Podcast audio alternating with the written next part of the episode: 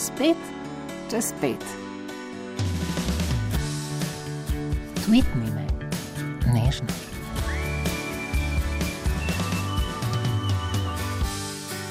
Lojtra, spetek.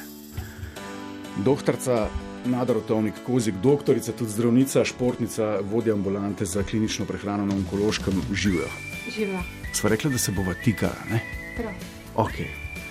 Macura občasno s teboj trenira spinning ne, in, pa, in, in vedno pride povsem iz sebe, prav tako pripravljenega človeka. Še nisem videl, da ne rečem punce in izpadem uh, tako kot on, da mu trpi moški ego.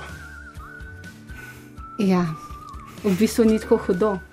Bolj hudo je, da uh, naš trener, Uro Šiler, skozi računa na kilograme Ja? in potem to mal drugače izpade, uh, kot če bi dejansko vate računal. Ja. Ker pri dejanskih vatih sem pa zelo švoh. No, ampak tudi Macura je šloh, da ga malo upravljati ne, pri dejanskih vatih in potem preračunavati to v kilograme, da bi drugim fantom po egu hodil. ali kako? Macora ni švoh. Ni šloh. Ne.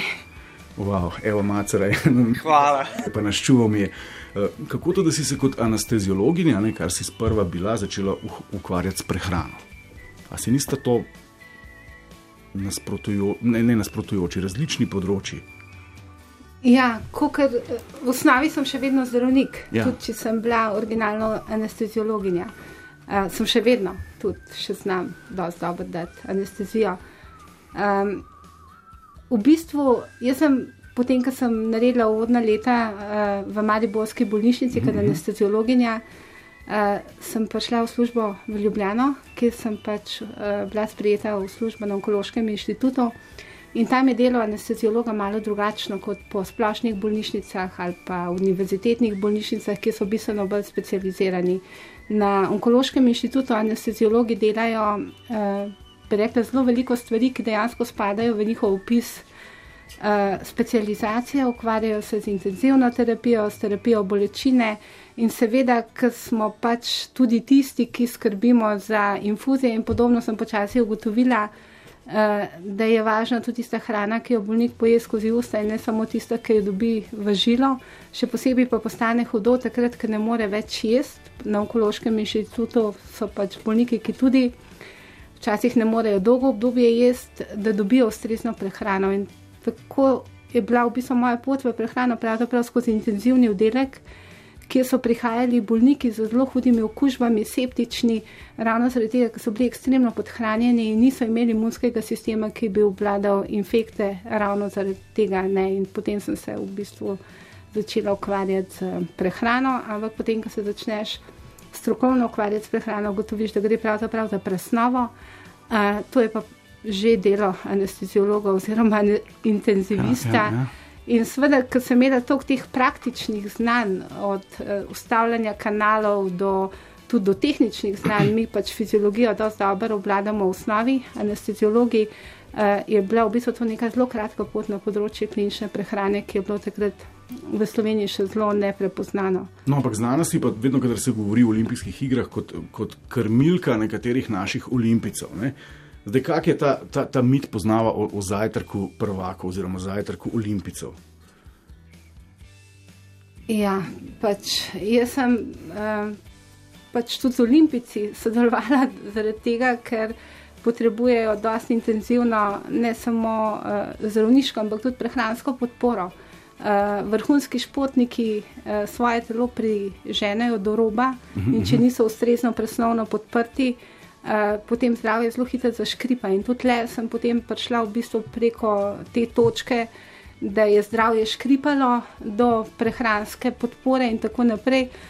Sveda pa takrat, ko sem začela sodelovati z prvimi olimpijci in vsekakor je bil to isto čop, uh, se je prav tako začela razvijati stroka športne klinične prehrane in ko sem bila istočasno uh, tudi v klubu pravzaprav um, vrhunskih športnikov in tudi nekaterih olimpijcev novice ekstrem, uh, sem postala potem pač dežurni zdravnik in prehranjevalec in vse ostalo in, in smo se učili skupaj.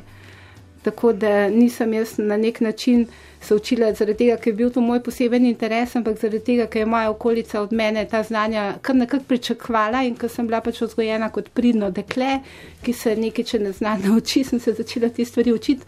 In potem gotoviš, koliko so to neznansko zanimive stvari. Šele takrat, ko se začne s hrano strokovno ukvarjati, to se pravi v smislu presnove, ugotavljaš, kakšen neverjetno čudovit stroj je telo in kako dobro ima narejene vse te mehanizme, da preživiti, da se regenerira in tako naprej. In potem sem spet prišla tja, kjer sem da pravzaprav v službi, to se pravi pri presnovi in tako naprej. Tako da če pogledam. Povprek gre v obeh primerih za klinično prehrano. Ampak ti vrhunski športniki, tako, če govoriš z njimi na štiri oči, ne, ne vem, ali nakladajo ali se zmišljujejo, oni večinoma trdijo, tako par jih poznam, eh, jaz jem vse, pijem pier in tako naprej. Ne. Michael Phelps se je hvalil, da je pojedel 8 pic na dan in podobno. Vse bi razumela, da jih je pojedel, ker Michael Phelps uh, plava tako intenzivno, da potrebuje dobro energetsko podporo. In pica z svojim energetskim vnosom sploh ni tako slaba hrana Ampak za Michael osem. Phelpsa. Osem. Ja, on pokuri veliko pic. Koliko ne je bom rekla, kalorij? da glih 8, ne vem, koliko ima njegova pica. Ja. Ampak Michael Phelps pokuri, ne vem, 7000 kalorij, če se zelo zaganja v bazenu cel dan. Koliko jih pa macura? Kadar Macura, dela. kadar dela, Ja. kadar nič drugega ne počne, Ja. kot naj jo zdaj nesrečno tle gleda. Ja. Ja, tam dobrih 2000 kalorij, odvisen, koliko je njegova mišična masa. A potem McDonald's, ko se je oglaševal, da je to zajtrk prvakov, se pravzaprav ni veliko lagal. Ne? Ja, Vse ima vse, ne? Ja, McDonald'sov problem je ta, da je sestava tega zajtrka prvakov mečkim problematična, ker vsebuje zelo veliko nasičenih maščob, eh, ki so presnovno neugodne in če jih dlje časa redno in v večjih količinah uživamo, povzročajo oziroma so povezane s stanji, kad je povečana pojavnost srčno-žilnih bolezni in podobnih strahot, ki ima vse koga, ki te eh, stvari v neomejenih količinah uživa, pravzaprav pokopljajo. Vsi poznamo, uh, oziroma vsaj tisti, ki so si šli pogledati film Super Size Me, so ugotovili, Ja, ja, kakšne strašne presnovne posledice povzroči enomesečna hiper McDonald's prehrana, ne, uh, iztiri se presnova v jetrih, uh, jetra se zamastijo, grejo praktično že skoraj v cirozo, zlasti pri tistih, ki so k temu nagnjeni.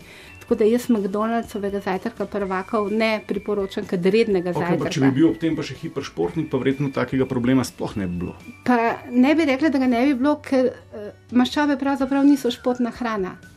Ne, ta pravo gorivo, najbolj ekonomično gorivo za športnika so pravzaprav ugljikovi hidrati. In to znano športne prehrane precej dobro je. Tako da, če pogledamo priporočila, tiste, ja. ki nekako se jih danes skušamo v stroki držati, in če pogledamo, kakšen je vpliv na presnovo določenih vnosov hranil, še vedno uh, zmagajo ugljikovi hidrati. In večina športnikov ima precej dober izračunan ta vnos Vnos. ugljikovih hidratov. Kako, kot bom rekel, vrhunsko izobražena medicinska strokovnjakinja tudi za prehrano, ne, gledaš na to, da danes vsak tretji, recimo od frizerjev do vizažistov, eh, se izrekajo, da so nutricionisti in nam pametijo okrog prehrane. Ne. Ravno včeraj sem gledal eh, nek internetni oglas za nekega prehranskega guruja, ki eh, zdaj hujša, da bi dokazal vsem samo z maščobami. Jaz se tudi s maščobami lahko hujšaš, če jih manj ješ. Ampak verjetno zdravo ni. Ne. Ne. Vedi- Nekritično hujšati ni zdravo z ničemer.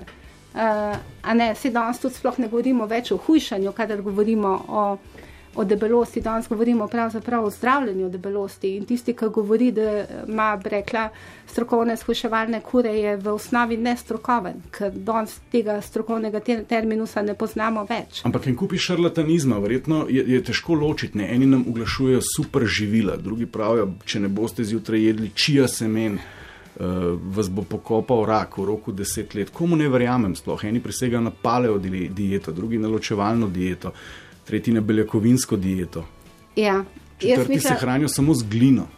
Zanč Ja. me je en friend pre, prepričeval, da naj pol kozarca sode bikarbone popijem vsak dan, da bom shujšal. ja. Zdaj, seveda, tle sta problema na obeh straneh. Ja. Prvi problem je, da se nekdo proglaša za strokovnjaka. Um, če se proglašaš za strokovnjaka na prehranskem področju in nisi prehranski strokovnjak, pomeni, da si nekritičen do svojega znanja in da skušaš biti avtomehanik za vse vrste elektronskih, mehaničnih in ne vem kakšnih mm -hmm. vozila, ne? to se pravi, ne znaš, ampak se ti zdi, da mogoče znaš. Uh, poznamo filozofijo tako imenovanega bullshita, to je uradna filozofija, ja. uvedena ne, na univerzi v ZDA. Eh, lahko tipkamo na Wikipedijo bullshit, pa bomo videli zgodovino to filozofske stroke in to je to. To je tudi klasično urodje politike in podobnih, eh, eh, bi rekla, eh, struj. Druga stvar je seveda pa v tistem, ki te prehranske nasvete sprejema. Jaz se veliko krat sprašujem, kako ljudje v bistvu sploh razmišljajo, ko sprejemajo prehranske nasvete od nekoga, ki ni prehranski strokovnjak. Jaz povem, kako razmišljamo. Ne? Mi smo naenkrat začeli razmišljati, nič, kar je bilo, ni več dovolj dobro. Ne? Doma odpreš umaro, naenkrat ni več bele moke. Tako kot so se prehranjevali naši starši, stari starši, njihovi stari starši. Ni več dovolj dobro. Se mi zdi, da se vse naš svet, ne, ali pa svet srednjega sloja sodobnega človeka vrti okrog tega mita zdrave prehrane. Ne? Ja, ampak v bistvu še vedno, tudi če ni dovolj dobro, bomo poskrbeli, da bomo šli po nasvetke nekomu, ki je v resnici strokovnjak, ki ima izobrazbo z tega področja, ki je, bi rekla, um, priznana, uradno priznana. Ne bomo šli k nekomu po nasvet, ki se sam proglaša za prehranskega strokovnjaka, še posebej, če se bomo ukvarjali s prehrano. Prehranski ja. vnos vpliva na naše zdravje naše prehranske strategije, način tega, kako se prehranjujemo, določa, koliko bomo zdravi, športniki, koliko bojo zmogljivi. In to so pomembne stvari. Tako da jaz osebno si ne bi dovolila, da mi prehransko svetuje nekdo, ki ne zna. Ki nima pojma. Ki nima, pojma, ki nima priznanega znanja. Danes je prehranska stroka napredovala do te mere, da vsako prehransko svetovanje ena na ena spada v poglavje klinične prehrane. Klinična prehrana pa ima svoje strokovne izhodišča. Recimo, nedavno je išel uh, temeljni konsenzualni dokument o terminologiji in postopkih klinične prehrane, ki točno določa, kakšna, uh, kako se prehranske diagnoze postavijo, kako poteka proces prehranske obravnave, kakšna, uh, kako ta proces potem spremljamo. Uh, kaj je to medicinska hrana, kaj je to prilagajanje osnovne hrane. Skratka, to je znanost, to je znanje in to je v osnovi medicinska stroka. Tako da mi ločimo pravzaprav tle javno zdravstvene ja, ja. Ne, akcije, ki jih.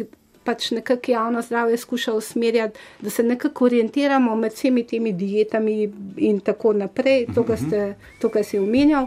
Druga stvar je pa, če se ukvarjamo pa z osebnim prehranskim svetovanjem govorimo danes pa o personalizirani prehrani, skratka individualno uh, urejeni prehranski strategiji za posameznika, kjer poznamo njegovo presnovno in prehransko diagnozo in potem ugotovimo, kakšen vnos energije in hranile za tega posameznika primeren, glede na to, a je to razumem, športnik in tako naprej, ampak za to rabimo znanje, ja, kvalificirano znanje. Ne, na ta znanje. način razmišlja stroka, ampak zadnjič sem prišel na velik benzinski servis in ugotovil, da tista tri metrska polica, ki je bila prej namenjena plenicam, je zdaj polna proteinov. Ja. Torej, očitno je popraševanje po teh proteinih veliko. za rast mišične mase tako veliko, da so črparkali ugotovili, da je treba to 24 ur na dan eh, prodajati, ker če zmanjka je hudične. Odkot ljudem prepričanje, da je treba žreti to, na osnovi česa je to narejeno. To je neka sirotka, to sigurno ni zdrava reč ali, ali jajca, od bog ve kot. Je takrat, ko rabiš, je to zdravo, takrat, ko to ne rabiš, to ni zdravo. Okay, Ampak, pa... da dobimo mišice, potrebujemo najprej pozitiven energetski vnos, potem potrebujemo ustrezen vnos beljakovin, ki mora ustrezati tako po tipu. Počasno vnosa, potem moramo imeti uh, pač tudi ustrezno vadbo, tudi to je pomembno. Ja. Mišice ne bojo rasle, če ne bomo vadili mi, če bomo vadili samo mišico, bo rasla, če bomo pa tekali, pa na mišice ne bojo okay, rasle. Tukaj govorimo o nekem kultu teh hipertrofiranih estetskih mišic, kako kot športnica. In, in, in, uh, jaz sem bil nekoč zraven, ko je nek totalno droban alpinist, nekega uh,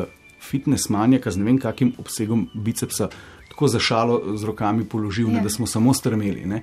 Kako gledate na ta estetski vidik mišic in tega vnašanja? hiperdoziranja s temi proteini, zato da, bom, da bomo lepi. Vse ne naredijo samo proteini mišic, ne treba vaditi mišic. Sveda z ustreznim nosom proteinov se to nekako podpre. Ampak pretiravanje z vadbo mišic ima svoje ime in temu se reče bigoreksija in spada v poglavje, ki mu rečemo Patologij. motnje prehranjevanja. Potem je to Psihični do- dovolj- odmik od uh, realnosti. Jaz sem nedavno srečala pacijenta, seveda, Ja. mlajšega fanta, ki je, bil, ki je zelo lep fant, Ja, pameten fant, pameten študij, bi jaz rekla. Ima. ja. In je pretiraval s to vadbo mišic. In potem sem ga vprašala, ja, skratka, mi je pa vmes en hud medicinski problem in smo se res mogli začeti ukvarjati z prehransko strategijo, ne samo dietetično, tudi uh, zdravniško. In uh, potem je povedal, da ja, skratka, sej, uh, to, da imaš mišice, ni tako zelo pomemben, da si všeč ženskam, ampak to, da preživiš v moškem svetu. Ampak- No, tako da se moški ja. ja. vprašajte, zakaj ja rabite mišice. postajamo spet vse bolj primarna družba. Ne? Mogoče. vse bolj primitivna. Na drugi strani pa spet ženske ne, eh, s temi svojimi zajtrki, zdaj samo še smuti, oziroma najbolj radikalne, celo korenček v jogurt, ne, v, v, v zelo nemasten jogurt. Kaj s tem? Ja, s tem pomeni, da če bomo jedli hrano, ki je ne žvečimo in če bomo to dolg časa delali, bomo začeli delati prebavila invalidna, ker tudi prebavila je treba vaditi. Uh -huh. In proces prehranjevanja se pravzaprav začne ali pa prebave v ustih. To se pravi, ko grizemo, ko žvečimo in potem s tem nekako aktiviramo tako uh, nevrološki del, to se pravi možgane in potem še spodnje možgane, ki za črevo ja. pravijo, da so spodnji možgani in sprožimo, da se potem pač živila, ki jih pojemo, čim bolj optimalno prebavljajo. In uživanje smutijev in podobnih stvari takrat, kadar imamo čas za prebavo, kadar ne bomo šli, ne vem, čez deset minut teč na Šmarno goro ali kak drug lanc, uh, pravzaprav nima nobenega razloga. To, to sam pomeni, da če Wow. bomo jedli hrano, ki, ki je ne bomo obdelali, bomo prebavilom vzeli možnost za vadbo. Tako Kaj pa- smo Um, kaj pa, uh, evo, to ključno vprašanje sem, sem te želel vprašati. Ne, zakaj je recimo občutljivost ali pa alergičnost na gluten, recimo med ljubljanskimi PR-ovkami, veliko eh, bolj pogosta kot recimo med slovenskimi žičničarji? je zato, ker je to in. Ampak, a, a, a si kdaj razmišljala, kako pride do tega, da, da, da je to in? Ne? Frendica mi je rekla, da je šla zadnjič na kosilo uh, s puncami iz neke oglaševalske agencije. One so vedno v trendu, en, en korak pred, pred ostalimi, so vse naročile pico, torej z mesom in brez sira, neka nova fora. No, moja hči študira v ZDA Ja. in je bila nedavno v nekem drugem mestu in je srečala eno deklico, ki verjetno izhaja iz te družbe, ravno kar opisane. In mi je rekla, in pač jaz sem blazno srečna, da moja hči je normalno. Uh, in je rekla, veš kaj, mami. Tale pa čistko trendovsko je, kmalo bo postala tako shirana ženska srednjih let in sem kar oči zavrtela, kljub temu, da sem bila na telefonu, Ja. uh, ker je tako dobro diagnozo povedala. Ne, nezadosten beljakovinski vnos, seveda v tem primeru uh, ni v redu, ampak kakorkoli že, uh, seveda mi skušamo po istem mehanizmu, o katerem smo se prej pogovarjali, pač sebi nekaj dobrega narediti. In potem, če zelo veliko ljudi okoli tebe nekaj zelo propagira, se ti zdi, da bo to že mogoče dobro. In to je približno tako, kot obnašanje v srednji šoli, ker smo tako veliko dali na mnenje okolice, zdaj smo to samo mečkam še zapakirali in potem pač skušamo se temu prilagoditi in mislimo, da je dobro, v resnici pa ne vemo. Jaz sem bila ta vikend na eni zelo, bi rekla, dobri ali pa strokovno zelo dobro podprti konferenci, ki je bila v Ljubljani, eh, hepatološki šoli, ki so se veliko ukvarjali s prehrano. In je bil v Ljubljani tudi uh, strokovnjak, mislim, da je eden največjih strokovnjakov na svetu za celiakijo, to se pravi hrana, ki nekako. Um, To ni žal nalezljiva bolezen. ne, hrana, to je pač bolezen, ki zahteva potem tole brezglutensko Ja, ja, hrano. In seveda ti, kot uh, strokovnjak z nekega področja, imaš znanstvene dokna, dokaze, bereš revije, bereš klinične študije in imaš neko stališče do stroke tisti trenutek. In rečeš, ta trenutek imamo take podatkov, ni nobenih podatkov, da bi v resnici nekomu, ki nima nobene bolezenske patologije, iz področja celiakije, ker to je zelo širok uh, ja, ja. spektr bolezenskih stanj, ne gre samo za gledin, gre tudi za njegove fragmente in tako naprej, skratka gre za precej komplicirano zadevo. Uh, pač imamo neka strokovna stališča, ampak če imamo možnost vprašati enega večjih strokovnjakov mhm. sveta, a obstaja kakršna koli indikacija, to se pravi uh, smisel, da bo nekdo, ki nima bolezenskega stanja z tega mhm. področja, jedel brezglutensko hrano in imel kako zdravstveno prednost in ti on gladko reče ne. Je za me stvar zaenkrat, dokler nimamo nobenih podatkov, zaključena. Ampak sej, tudi Džokovič je zgubil zdaj finale proti Mariju, pa ne bi jedel to fancy šmensi dieto. Ja, očitno zaradi tega. Gremo naprej, informirana voda. Joj. Ja, samo to, samo ja. joj.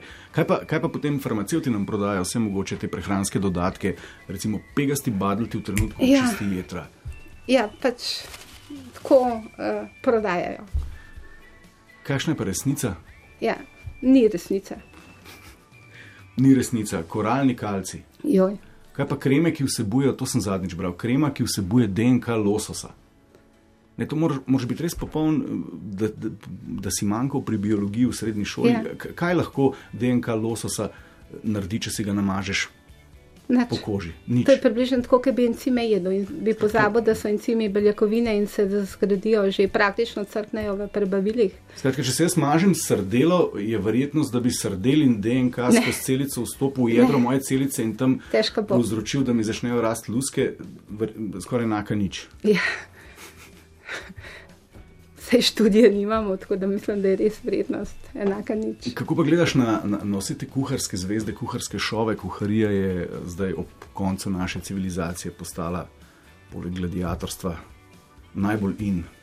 Jo, nisem ta prava za to vprašanje, ker me kuhanje popolnoma noč ne veseli in tega ne gledam. Kot najhujša prehransko strokovnjaki. Ne? Moja kuhna je izjemno dolgočasna in enostavna. E, eno, evo, prvo kosilo, ki pride z glave uparjena rižota. Riž, ponavadi polnovreden, par kosov mesa, nota zelenjava, voda se čez nalije in se da v parno pečico in se medtem pripravi solat ali pa kaj drugega naredi, čez pol ure cel obrok na miz. Prav, bolj te zanimajo sestavine in kaj vnašaš, ja. kot pa vkusi sami. Jaz sem vem, da moram jesti mešano hrano in s tem izpolnim kriterije mešane hrane. Ja, to je žal resnica, ampak zakaj bi s hrano zgubljali to čas? To je fiziološka resnica, nekaj pa naše čustva, pa uh, ljubezen gre skozi želodec. Ja, ne pa... vem, meni se zdi v življenju toliko fajn stvari za početi in res ne vem, zakaj bi toliko časa za hrano zgubljali. S tem sicer sem mal naporna za okolico, ko ponovadi ukinem novoletno uh, kosilo ja. za polovico, ker ne vem, zakaj bi toliko časa jedel, pa toliko jedel, kljub temu, da je novo leto, ampak ja.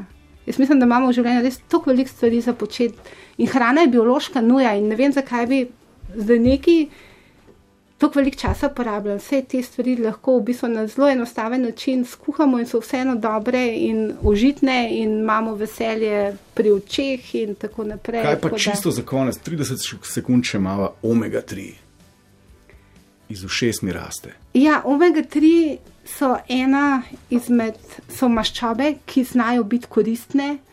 Eh, zdaj, po znanstvenih podatkih, so sigurno koristne za tiste, ki imajo pretirano aktiviran sistemski vnetni odziv. To se pravi, to je cela skupina kroničnih bolnikov, pa ne čisto vsi, ampak večina.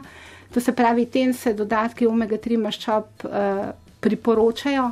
Zelo velik ne bodo grešili, verjetno tudi eh, povprečni prebivalci Slovenije, ki živijo povprečno stresno življenje, ker to tudi povzroča neke vnetne spremembe. Uh, tako da, če ne pretiravamo uh, z omega-3 maščobami, se verjetno ne bomo naredili nobene uh, posebne škode, ampak v Sloveniji imamo zelo dober vir omega-3 maščob, ki se mu reče olčno olje. Tako da, mogoče si pa malo več tega na solato dajemo. Doktorica Nadar Otovnik Kozek, prehranjevanje mi bo od tega trenutka naprej, zahvaljujoč vam, mnogo lažje. Hvala. Pero sí.